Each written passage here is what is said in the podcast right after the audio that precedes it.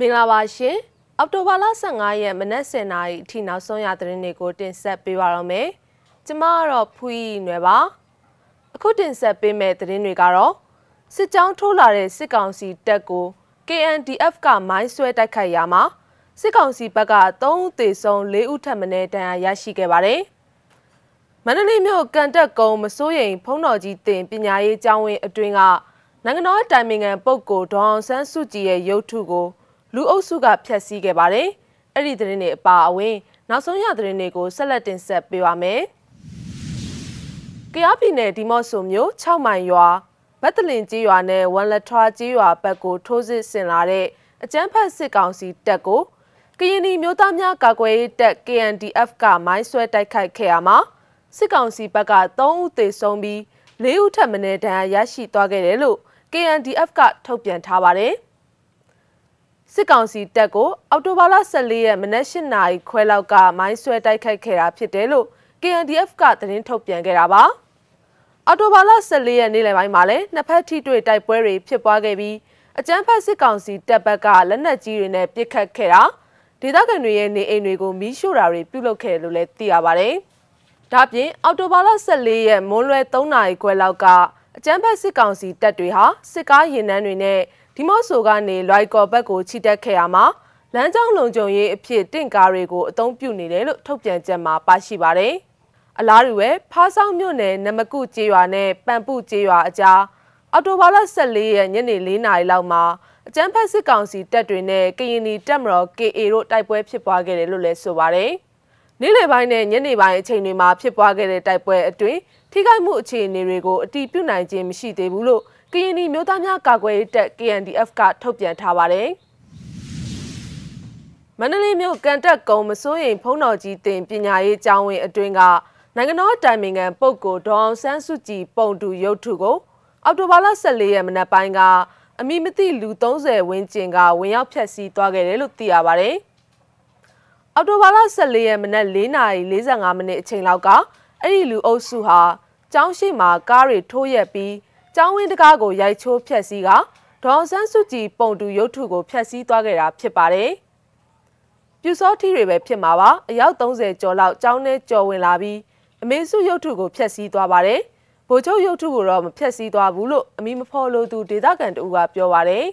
။အခြားတော့အန်ရယ်ပေးမသွားပါဘူးအမေရုပ်ထုကိုပဲဖျက်ဆီးသွားတာပါ။အမေစုကိုလက်မခံတော့ဘူးအဲ့ဒါကြောင့်မလို့ အမေရုပ်ထုကိုပြည်သူတွေကလိုက်ဖြတ်စည်းနေကြတာပါလို့လောက်ကျန်သတင်းလွှင့်ကျင်တာဖြစ်မယ်လို့သူကထပ်ပြောပါတယ်။အဲ့ဒီရုပ်ထုကိုကန်တက်ကုံမစိုးရိမ်ចောင်းတိုက်ဆရာတော်ဖျားကြီးကိုတိုင်ចောင်းဝင်းအတွင်စိုက်ထူထားခဲ့တာဖြစ်ပါတယ်။ကန်တက်ကုံမစိုးရိမ်ဖုံးတော်ကြီးတင်ပညာရေးကျောင်းကမန္တလေးမဟာအောင်မြေမြို့နယ်55လမ်းလမ်း40နဲ့41လမ်းကြားလမ်းအရှိတ်ချမ်းမှာတည်ရှိပါတယ်။ဘယ်လိုပါလဲနော်။ဘယ်လိုပါလဲ။ဟုတ်ကဲ့ဟုတ်ကဲ့ဟုတ်ကဲ့ဟုတ်ကဲ့ 好跳，好跳，跳，好跳，好，住住住住住，好，好，出，好歪住，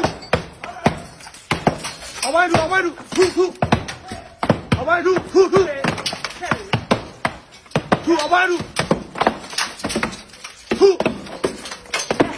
呀呀，သွားသွားသွားသွားသွားသွားမယ်သွားမယ်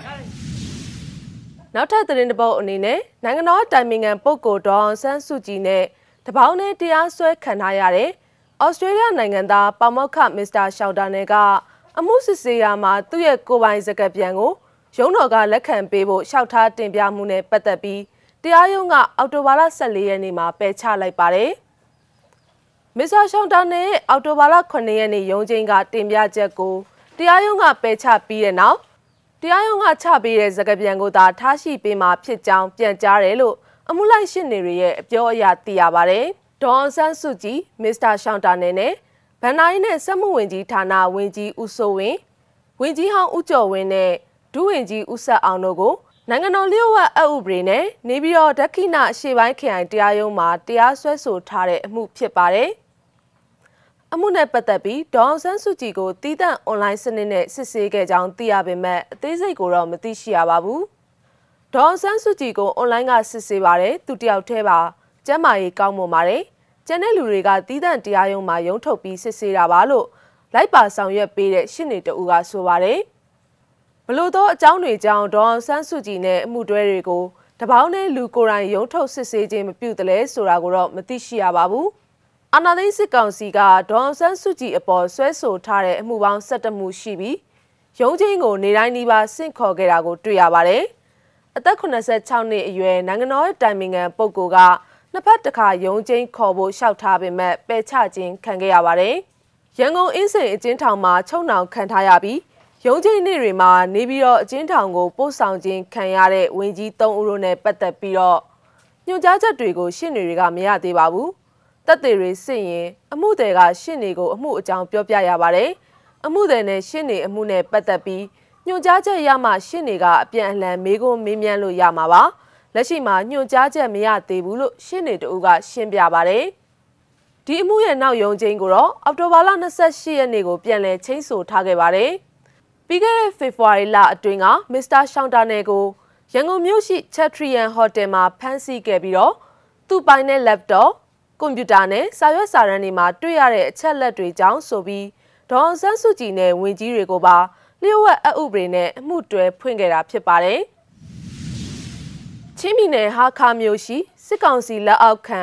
လာဝကလူဝင်မှုကြီးကြပ်ရေးရုံးမှာအော်တိုဘာလ14ရက်ညကမီးလောင်မှုဖြစ်ပွားခဲ့တယ်လို့ဒေသခံတွေကပြောပါရယ်။ချင်းဦးစီးရက်ကွက်ယဉ်ကျေးမှုပြတိုက်အနီးရှိလာဝကရုံးဟာ10နာရီခွဲအချိန်လောက်ကစတင်လောင်ကျွမ်းပြီး17နာရီမိနစ်20အချိန်လောက်မှာမီးငိမ့်သက်နိုင်ခဲ့တယ်လို့သိရပါဗျ။ မီးခိုးတွေစထွက်လာတာအနီးနားကလူတွေကလည်းပြင်ထွက်လို့မရပါဘူးကိုဗစ်ကြောင့်ပါဒီတိုင်းထိုင်ကြည့်နေရတာပါ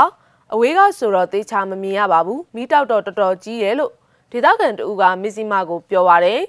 ။နောက်ထပ်ဒေသခံတဦးကတော့ဟာခမြို့မီတက်မှာ CDM လုတ်တဲ့မီတက်တွေလည်းရှိပါတယ်။အများစုက CDM လုတ်ကြတယ်။တယောက်နှစ်ယောက်ကမလုတ်ကြဘူး။အခုမီးလောင်တော့ဘယ်သူမှမလာကြပါဘူး။အဲ့ဒီယုံတဲ့အိမ်တွေကတော့ဝေးကြတယ်လို့ပြောပါတယ်။ လက်ရှိဟာခမြို့မှာ COVID-19 ဖြစ်ပွားမှုတွေရှိနေတဲ့အတွက်အောက်တိုဘာလ15ရက်ကနေ30ရက်အထိနေအိမ်မှာသာ stay at home နေထိုင်ဖို့ဒေသခံကျန်းမာရေးအဖွဲ့အစည်းတွေကကြေညာထားပါတယ်။မီဇီမာ TV ရဲ့နောက်ဆုံးရသတင်းတွေကိုတင်ဆက်ပေးကြတာပါ။စောင့်မျှော်ကြည့်ရှုခဲ့ကြတဲ့ပရိသတ်တွေအားလုံးကိုကျေးဇူးအထူးပဲတင်ရှိပါရရှင်။